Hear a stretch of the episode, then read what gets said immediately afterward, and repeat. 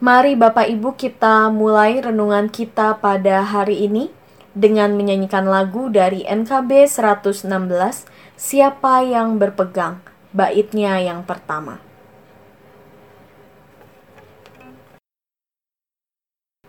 Siapa yang berpegang pada sabda Tuhan dan setia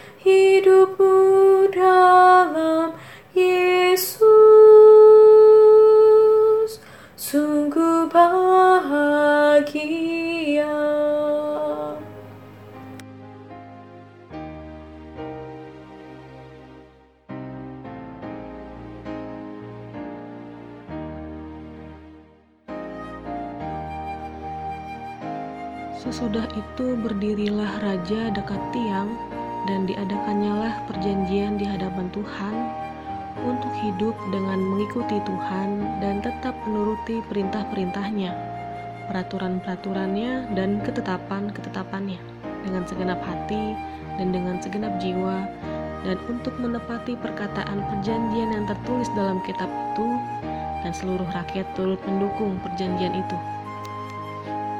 Bacaan Alkitab dari 2 Raja-Raja pasal 23 ayat 3.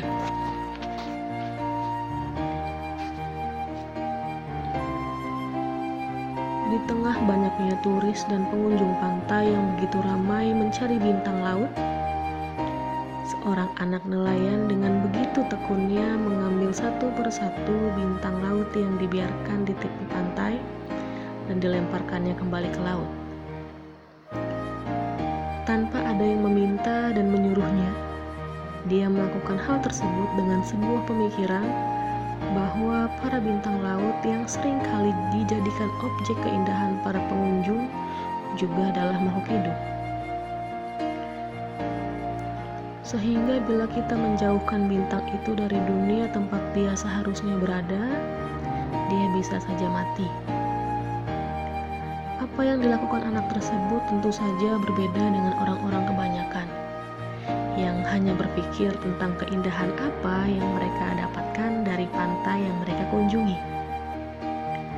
Tindakan tersebut menunjukkan bahwa menjadi berbeda bukan berarti kita membawa teladan yang buruk dengan pikiran atau tindakan kita. Sama dengan apa yang dilakukan oleh Raja Yosia pada masa pemerintahannya. Pada masa itu, orang Israel terjebak dalam kemerosotan moral dan tidak melakukan pola hidup beragama yang berfokus kepada perintah Allah. Raja-raja sebelum Raja Yosia, yaitu Manasye dan Amon, merupakan raja yang melakukan praktik keagamaan yang menyimpang karena sejak pemerintahan Raja Manasye mereka bekerja sama dengan Asyur dan hal tersebut berpengaruh pada praktik keagamaan dan kehidupan mereka. Banyak sekali rakyat yang juga melakukan tindakan menyimpang. Namun pembaruan hadir ketika Yosia menjadi raja. Karena melemahnya kerajaan Asyur dan dihancurkannya berbagai hal yang berhubungan dengan praktik penyembahan berhala. Untuk mengembalikan kebobrokan praktik kehidupan dan moral bangsa Israel dan berfokus kepada ketetapan-ketetapan Allah, sikap Raja Yosia merupakan sikap yang berani berbeda, yang tetap dalam prinsipnya.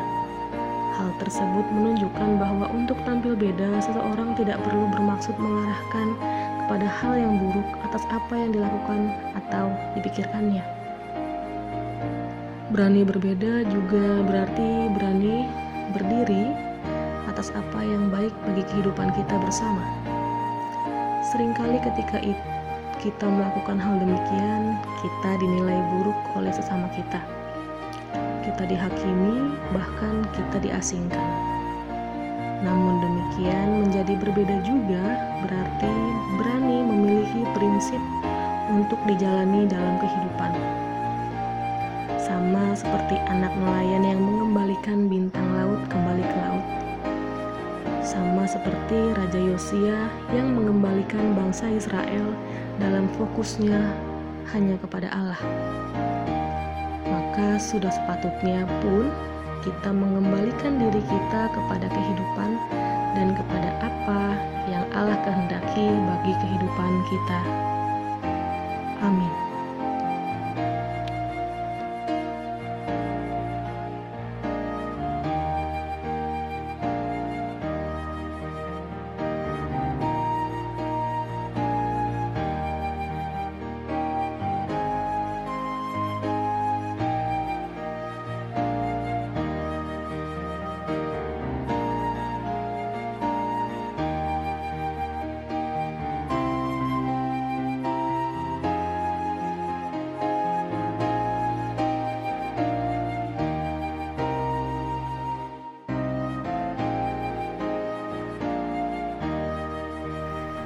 Mari kita berdoa. Ya Allah, bentuklah kami untuk terus memperbarui diri menuju kebaikan dan kebenaran di dalam Engkau. Amin. Demikian ibadah pada hari ini. Tuhan Yesus memberkati.